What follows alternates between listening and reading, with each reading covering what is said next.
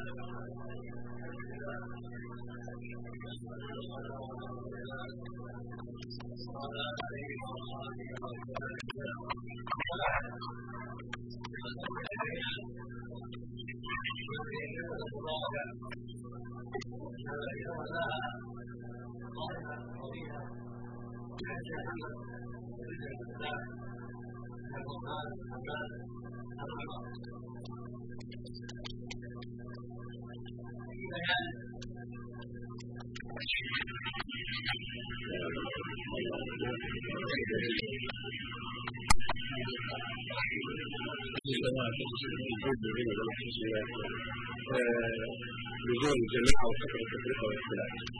Grazie.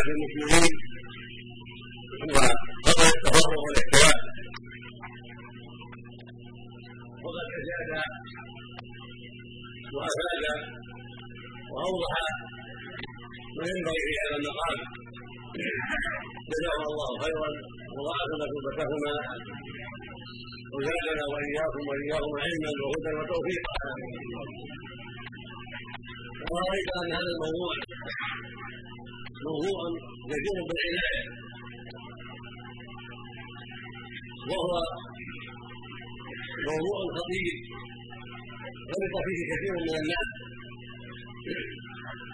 فشقوا العطاء وفرقوا الجماعة ووضعوا في معدة عظيمة وعواقب وكيلة وضرروا بالعدد ضررا كبيرا والله عز وجل في كتابه العظيم وعلى سن ستة وعلى لسان رسوله الكريم عليه الصلاة والسلام أمر جل وعلا بلزوم الجماعة وترك الفرقة. وسمعتم من الأدلة ما سمعتم.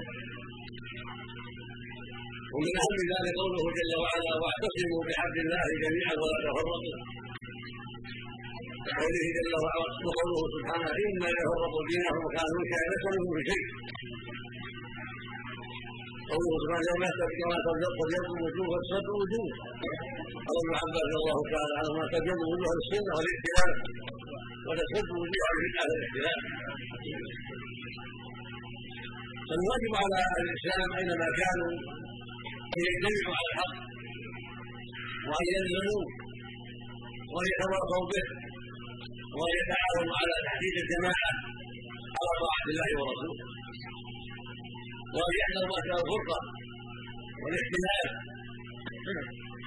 من الشحنه والعداوة والتهم عن بعضهم لبعض وعدم التفكر ما قد يشر بينهم وعدم اعطاء المقام ما توجبه الشريعة من عنايه وبحث وحمل لما قد يكفي على خير المحامل وقد وقع هذا في الدور الأول. في عهد الصحابة رضي الله عنهم وأرضاهم. خرج قوم على علي رضي الله عنه والصحابة وعلى عمل النصوص على غير على غير محملها وتأولوها على غير تأويلها. حتى حملوا السلاح على أصحاب النبي صلى الله عليه وسلم وعلى المسلمين جميعا. وزعموا أنهم مصيبون وأن غيرهم مخطئ وهم الخوارج قبحهم الله. تأول النصوص على غير تأويلها. فقاتلوا أهل الإسلام وتركوا عباد الأوثان. وكفروا علي رضي الله عنه. وكفروا من معه. ومعاوية ومن ساعد هؤلاء وهؤلاء وقالوا إنهم خرجوا على حكم الكتاب فهم كفار بذلك. وهذا من جهلهم وضلالهم من جهل الخوارج وضلالهم. وبدعتهم حتى قال فيهم النبي صلى الله عليه وسلم في الحديث الصحيح طرق مارقة على عين فرقه من المسلمين. تقتلهم اولى الطائفتين بالحق فقتله علي رضي الله عنه ومن معه وقال فيهم إنه يحذر احدكم صلاته مع صلاتهم وقراءته مع قراءتهم وصيامه مع صيامهم يضربون إلى الإسلام ثم لا يعودون إليه. وقال يقرؤون القرآن لا يجاوز حناجرهم يعني اصيبوا بالجهل والغلو حتى خرجوا من الإسلام ومرضوا منه بسبب غلوهم وجهلهم وضلالهم. وفرقوا المسلمين وقاتلوهم جهلا وضلالا وقال عليه الصلاة والسلام من حمل على الابتلاء فليس منا وأمر بلزوم الجماعه والسمع والطاعة لولاة الأمور. بالمعروف وهذا معنى قوله جل وعلا يا أيها الذين آمنوا أطيعوا الله وأطيعوا الرسول واولي الامر منكم فإن تنازعتم في شيء فردوا إلى الله والرسول. ان كنتم تؤمنون بالله واليوم الآخر ذلك خير واحسن تاويلا قال عز وجل واختلفتم فيه من شيء فحكمه إلى الله. فلو أن الخوارج واشباههم ردوا ما تنازعوا إلى الله والرسول ما وقعوا فيما وقعوا فيه من التوحيد والتظليم والفرقه والاحتيال ولكن حكموا اراءهم الفاسدة وعقولهم الفاسدة وزعموا أنهم على علم وهم على ضلالة ووقعوا فيما وقعوا فيه من الفساد. وقتل النفوس بغير حق وهكذا من بعدهم ممن خرج على ولاة الأمور وعلى أهل العدل في هذه الشبهة بشبهة أنهم خالفوا الكتاب خالفوا السنة والذين خرجوا هم أهل الخلاف وهم أهل المخالفة على كما على ما قال شيخان في هذه الندوة الأمر على وجوب التثبت وعدم العجلة في الأمور وما أشكل على طالب العلم. إذا كان يطلب الخير ويريد الحق الواجب عليه يعرف ذلك على القرآن العظيم والسنة المطهرة. ويستعين بأهل العلم على فهم الحق ولا يقدم فهمه على غيره. ويرى أنه مفيد وأن غيره مخفي ويستمر في رأيه الفاسد وضلاله. هذا هو طريق الشقاء وهو طريق أهل البدع. في رأيه واتهام أهل العدل والخير والهدى.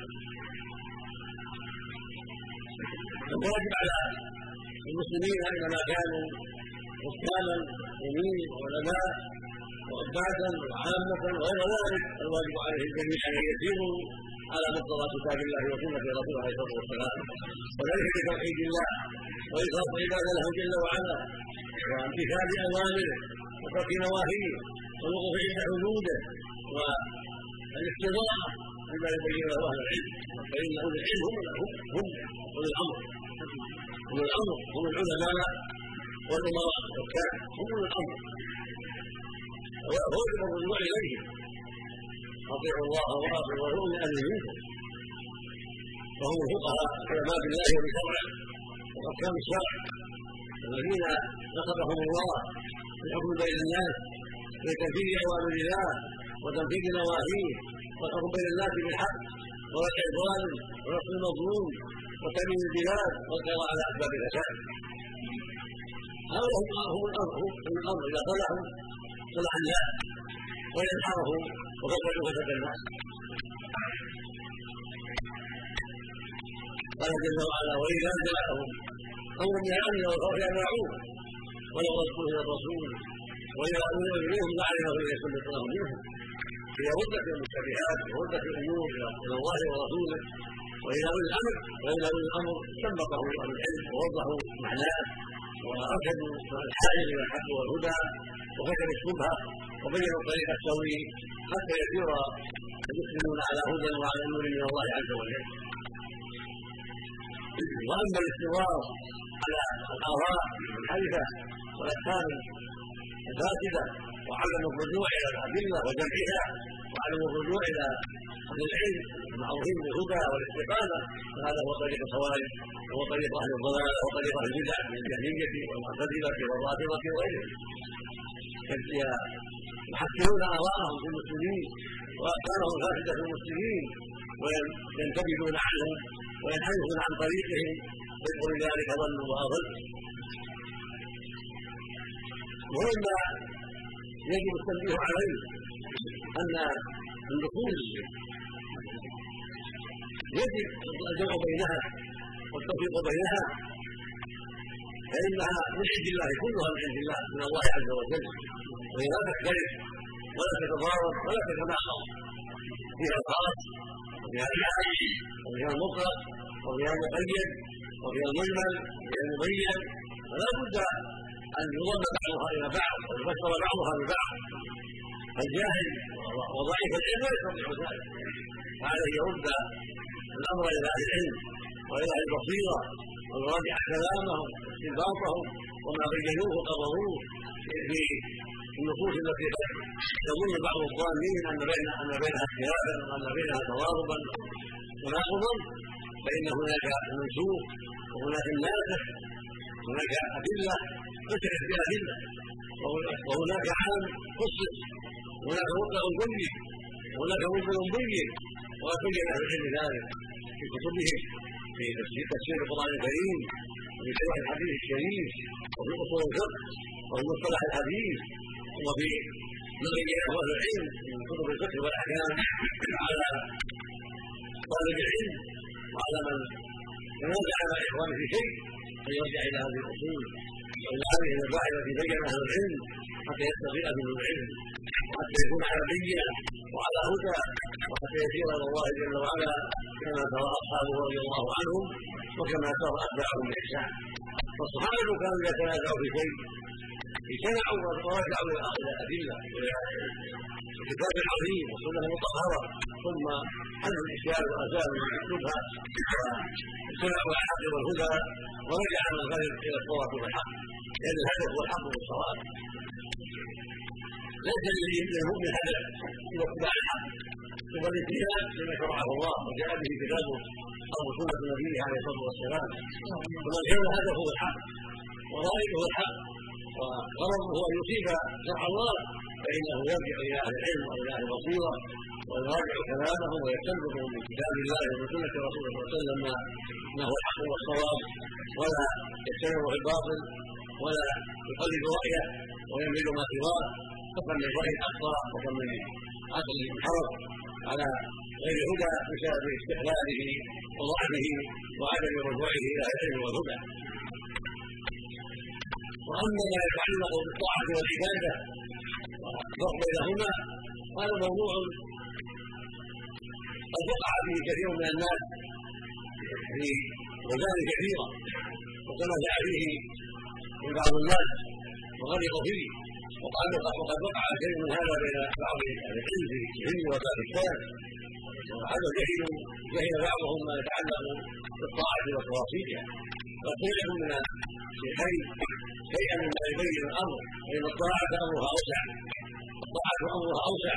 طاعة لله ولرسوله ولولاة الأمور وللوالدين وكل الزوج وكل الاقارب وكل المصلحين إلى غير ذلك. طاعه واسع والعبادة حق الله وحده سبحانه وتعالى. والعبادة هي امتثال اوامر الله وترك نواهي سبحانه عن اخلاق الله وعن محبه الله وعن تعظيمه وعن رغبه ورهبه هكذا تكون العبادة. العبادة تنشا عن حب الله جل وعلا حب كامل وعن الرغبه في ثوابه والحذر من عقابه في طاعه اوامره وترك نواهيه هذه قال العباده يعبد الله معتقدا أن هذا المعبود مستحق العباده وأن الله سبحانه هو المستحق لها وينتهي اوامر الله من صلاه وصوم وغير ذلك يرجو ثوابه ويخشى عقابه ويحبه بكل قلبه وهكذا يترك محارمه عن محبه الله رغبه كتابه؟ وعن حذر انتقامه سبحانه وتعالى. ولهذا قال عز وجل وما خلقت الجن والانس الا ليعبدون يعني يوحده سبحانه ويخصه بالعبادة عن محبه وعن رغبة وعن رهبة. عن حب الله عز وجل لأنه منعم وحده سبحانه وتعالى. وعن رغبه ما عنده من الثواب. وعن رغبه في ما عنده من العقاب. اما الطاعه فهي اقسام فمن أطاع الله عز وجل يرجو ثوابه ويخشى عقابه ويؤمن والعباده فطاعته له عباده اذا صلى وصام وأمر بالمعروف ونهى عن المنكر وذكر الله واطاع والديه كل ذلك من أجل أن الله أمر بهذا. ويرجو بهذا فضل الله. ويعبد الله بهذا الأمر. ويطيع ولي الأمر. ويطيع الرسول. ويطيع الوالدين. ويطيع الناصحين. لأن الله أمر بهذا. كان عبادة لله وحده. طاعته لهؤلاء عبادة. طاعه ولاة الأمور. طاعه الرسول صلى الله عليه وسلم. طاعه لله. وعباده لله. من يطيع الرسول قد أطاعه. وطاعة ولاة الأمور في المعروف طاعة لله. وعبادة لله لأنه فعلها يرجو ثواب الله ويخشى عقابه ويؤمن بأنه يستحق ان يعبد سبحانه وتعالى. وهكذا طاعته للوالدين بالمعروف طاعته للمصلحين بالمعروف طاعته للناصحين بالمعروف كل هذا حقيقه عباده لله. لأن الله أمره بهذا. فاما إذا انتهى الاوامر لا لله بل لانفسهم ما عباده ولو أنه أطاع الله. لكن ما قصد وجه الله ولا اراد التقرب إليه. ولكنه اراد بهذه الطاعة الرياء صلى الرياء أو ذكر الله رياء أو الله رياء أو نهى عن المنكر رياء أو طاعوا ولاة الأمور لا لأنهم أمروا بطاعتهم بل اطاعوا لهم المقاصد الاخرى والاغراض الاخرى من مال أو خوف منهم أو ما لا صار عباده لله عز وجل. وهكذا طاعته لوالديه إذا أطاع والديه لله فبالهوى فصار عباده لله. وإذا طاعهم غير ذلك بل لأنهم والداه صار امرا مطلوبا صار أمرا مطلوبا جيدا لكن لا يكون عباده لله.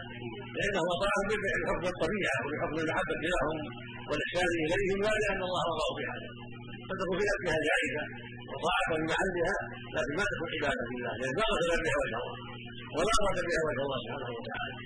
وهكذا طاعته لزيد أو عمرو بيع أو شراء أو بناء بيت أو واعطاء فلان أو إذا أطاعه لا لله بل أطاعه لأنه راى في هذا المصلحه فهذه امور جائزه بين الناس. وهكذا لو اطاع أولاد الأمور وهم كفار. في أمر جائز لا لأنهم يحلون ويحرمون كما جاء الحديث الحديث بل أطاعهم لأنه يرى المصلحه في ذلك يرى المصلحه في طاعتهم وإن كانوا كفارا. كان امره كان يسلك الطريق الفلاني وطرق قومها للناس أو كان مصلحة. السيارة تروح من هذه الطريق والسيارات من هذا الطريق. نظموا الطرق نظموا لذلك الطرق وأمروا. بعد الناس يهتدوا بهذه الأمور فيها مصالحهم. ويكون مع العبادة لهذه لهذا الامير أو لهذه الشرطه أو لفلان لا هذه مباحه فيها مصالح الامه فيها مصالح الرعيه فاذا فعلوها لأن فيها مصلحه ليس عباده للدوله وليس عباده لوزير الشرطه وليس عباده لاهل المرور بل امور مباحه فيها مصالح العباد وما في بل امور ضريبه وسلطان دوله كافره أو مسلمه جعل على الإنسان في بيته في دكانه في مزرعته ضريبه يؤديها كل سنه أو كل شهر ويجره بها. يؤديها ليس للعباده ولكن لاجل جدهم أو لأن راى مصلحه في ذبحها اليهم يعينهم على مشاريعهم الطيبه وليس عبادة الله. فإن فعلها لله يعينهم على الخير صار عبادة لله. وإن فعلها لهم يعينهم على المصلحه العامه لا لله بل للمصلحه العامه وليس يامر الله بهذا الشيء. ولكن المصلحه العامه أو خوف من شرهم فان هذه عباده هذه امور عاليه ليست فيها على كل عباد ولا عباده اما إذا أطاع فلان أو فلان أو الأمير الفلاني لأنه يعتقد فيه انه يضر وينفع أو يعتقد فيه انه أمر به هو حق. وأنه مباح. ولو قال هذا الله صار عابدا صار عابدا لو أطاع الأمير الفلاني أو العالم الفلاني يعتقد ان فيه شرك وانه يدفع الضر وينفعه العباده وان ما أمر به يمتثل ولو قال هذا الله. وما عنه يمتثل ولو قال هذا الله. هذا معناه عبد هذا المعروف عبد سبحانه ينهى عن الله. فتكون طاعته لا عباده له دون الله سبحانه وتعالى. والحاصل أن الطاعة فيها تفاصيل إن كان فعلها لأنها مباحة لأنه مباح أو في مصلحة لا لأنه يعبد هذا الشخص أو محل ما حل ويحل ما حرم وانما فعله للمصلحه للجمهور قوله هو لا إله إلا الله خارج الله جائزه ولا حرج فيها سواء كان أمر مسلم أو كافرا سواء كان أميرا أو مندوبا أميرا نحو ذلك. فيما يتعلق بالمصالح العامة والأمور المباحة ونحو ذلك. وطاعه الشرطه والمرور والطرقات وطاعه الدولة في الضرائب فيها مصالح كما جاء مصالح أو يدفعها خوف من شرهم ولا يعبدوهم بذلك ويعتقد أنهم يعني يستحقون العبادة أو أن فيهم شرا كما يعتقد عباد الناس وعباد اصحاب الطرق واشياء ذلك نعم ليس من العبادة بشيء وما فعله طاعة لله ويطلب وجه الله من الطاعة وطاع ولي الأمر وطاع الرسول صلى الله عليه وسلم وطاع والديه يرجو ثواب الله. يجمع يرضى بفضله سبحانه لأن الامر بهذا هذا كله يكون عباده الله وطاعه لله عز وجل فكل طاعه يقصد بها وجه الله ويتقرب بها إلى الله هي عباده لله سبحانه وتعالى وليس عباده له وكل طاعة يقدمها المخلوق لأن يعتقد فيه السر وأن هذا المخلوق يتصرف وأنه له شيء في الكون يتصرف أو أنه إذا عبده نفعه وإذا لم ضره كما يفعله بعض العباد في بعض الناس أو يتقرب إليه بذلك لأن فيه سرا يتقرب إليه أعطاه ولد أرسله الله كفر مرة هذا كله عبادة لغير الله كله شرك بالله سبحانه وتعالى فلا بد من التصميم في ما يتعلق بالطاعة والعبادة وليس كل طاعة عبادة وليس كل عبادة مقبولة بل كل عبادة يقصد بها وجه الله سبحانه وتعالى والضابط الشريعة هذه عبادة مقبولة وطاعة لله عز وجل. أما إن فعل عبادة لا لله فالرياء والسمعة فإن لست عبادة لله بها بصيرة. إن الرياء من الشرك قد يكون شركا أكبر كعمل المنافقين الذين كذبوا الله ورسوله واظهروا الإيمان نفاقا ورياء. هؤلاء بدات من النار نسال الله العافيه وذلك شرك الاصغر كان يرائي في يرائي في المعروف يرائي في نهي عن المنكر يرائي في اشباه ذلك هذه هذا من الرياء الذي قال فيه النبي صلى الله عليه وسلم اخر ما اخر هذا الشرك الاصغر فسئل عنه فقال الرياء وقد تكون الطاعه مثل ما تقدم بامور مباحه بامور مباحه أو في امور مشروعه فعلها لانها صالحه لانها مشروعه لأن فيها خيرا ولا يقصد بها التقرب إلى المخلوق لا لامين ولا لميت ولا لجن ولا لغير ذلك. إنما فعلها للطاعه لأن فيها مصلحه لأنها تنفع العباد. لطاعه المرور تكتب الطائف التي تطلب منه لأن فيها مصالح البلد. أو لأنه يخاف من كيد الطالبين لو منع لو لو بسبب من الطريق ولم يؤديها أن يؤذوه أو غير ذلك. هذا ليس من العباده سهل من الأمور العادية التي لا تسمى العباده وهكذا طاعة لا تؤمنون تنتقل فان طاعه في المعروف من عند الله عز وجل صار عبادة لله. وان طاعه خوف من شرهم وليس عباده لله فهذا ليس يكون عبدا لله ولكن ثواب الطاعه ولكن عبدا له فالطاعه من شره اما ان طاعه لأنه يحل ما حله ويحل ما حرمه. ويعتقد انه يصلح لهذا الأمر وأن ما حله فهو حلال وما حرمه فهو حرام فهذا الشرك الاصغر هذا الذي فعله اليهود والنصارى من احبابهم ورفاعهم فاحلوا وحلوا حرموا حرموه وان كان خلاف التوراه وان كان خلاف الشرع ولهذا سماه الله اتخذوا احبارهم قال اتخذوا احبارهم ورسوله من دون الله لانهم فعلوا ما حلوا وحرموا ما حرموا ولهذا شرع الله شرعوا الرجال ونزلوا كتاب الله وراء ظهورهم فصاروا بهذا كفارا وصاروا بذلك ظلاما لانهم استحلوا ما حرم الله واطاعوا الرجال في فعل الله تعظيما لهم واعتقادا بانهم مصيبون اما لو اطاع الامير واطاع السلطان في معصيه ولا يقول إنه يحل محله ويحل ما حرم لا.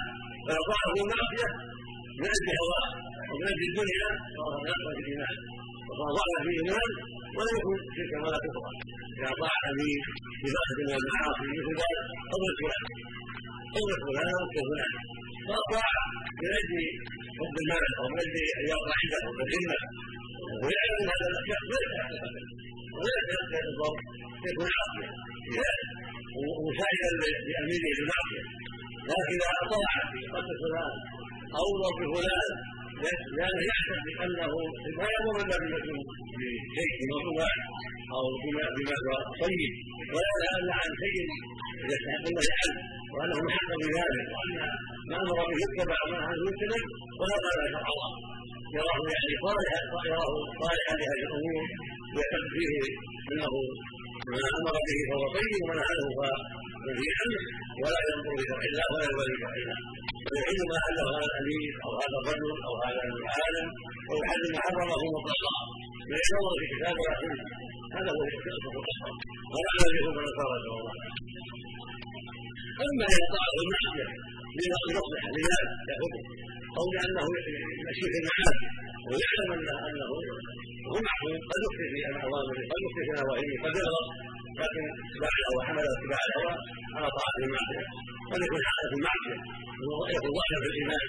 ولا يكون كفرا إلا ان يستحل ذلك وراى انه ما ما أمر به يطاع فيه ونهى عنه يطاع فيه ولو كان شرع الله هذا فليس اتخذه إلى مع الله فالجذور يعني لها اهميتها ولها شانها ولهذا وجب التوسع فيها والبيان فيها حتى لا يقع خالص في هذه الأمور وحتى لا يكفر لا يكفر المسلم بغيرها ولا حول ولا قوه الا بالله اما كون يسمى شرك اصغر هذا معنى اذا وقع المعصيه قد يسمى شيء اصغر عند بعض العلماء لأنه تابع الهوى وقد يسمى شيء اصغر لكن يسمى معصيه لأن بعض العلم قال شيء اصغر انما يقال شيء اصغر فيما ورد في النصوص كثره الشرك مثل حمد لله يقول ما شاء الله وشاء فلان بفجرها هذا جاء في النصوص كان يسمى شركا يعني شيء اصغر واما ذكر المعاصي التوحيد والنميمه والزنا والسرقه وهذا يسمى معاصي ويسمى كبائر ولا يسمى شركا وهذا يجوز بعض العلماء يسمى شركا اصغر لأن صاحبها اتبع الهوى ولكن مشهور عند العلماء والمعروف عندهم أن يسمى كبائر يسمى معاصي. ولا يسمى شركا لأنه إن فعلها انما فعلها طاعة لهواه لا لأهل عبادة لأحد ولا لأهل أحد ولكن فعل السرقة أو الزنا أو الغيبة أو النميمة طاعة لهواه وطاعة لشيطانه فلهذا يسمى كذلك يسمى معاصي يسمى ذنوبا نسأل الله الجميع العافية والسلامة ونسأله وعلى وإياه الفتح في الدين ويبارك عليه ويعيننا وإياكم من شرور أنفسنا ومن سيئات أعمالنا ويجعل الشيطان عن نسبتهما وعن ما بين جزاء وان يوفق الجميع إلى الرضي وصلى الله وسلم على سيدنا محمد وعلى اله وصحبه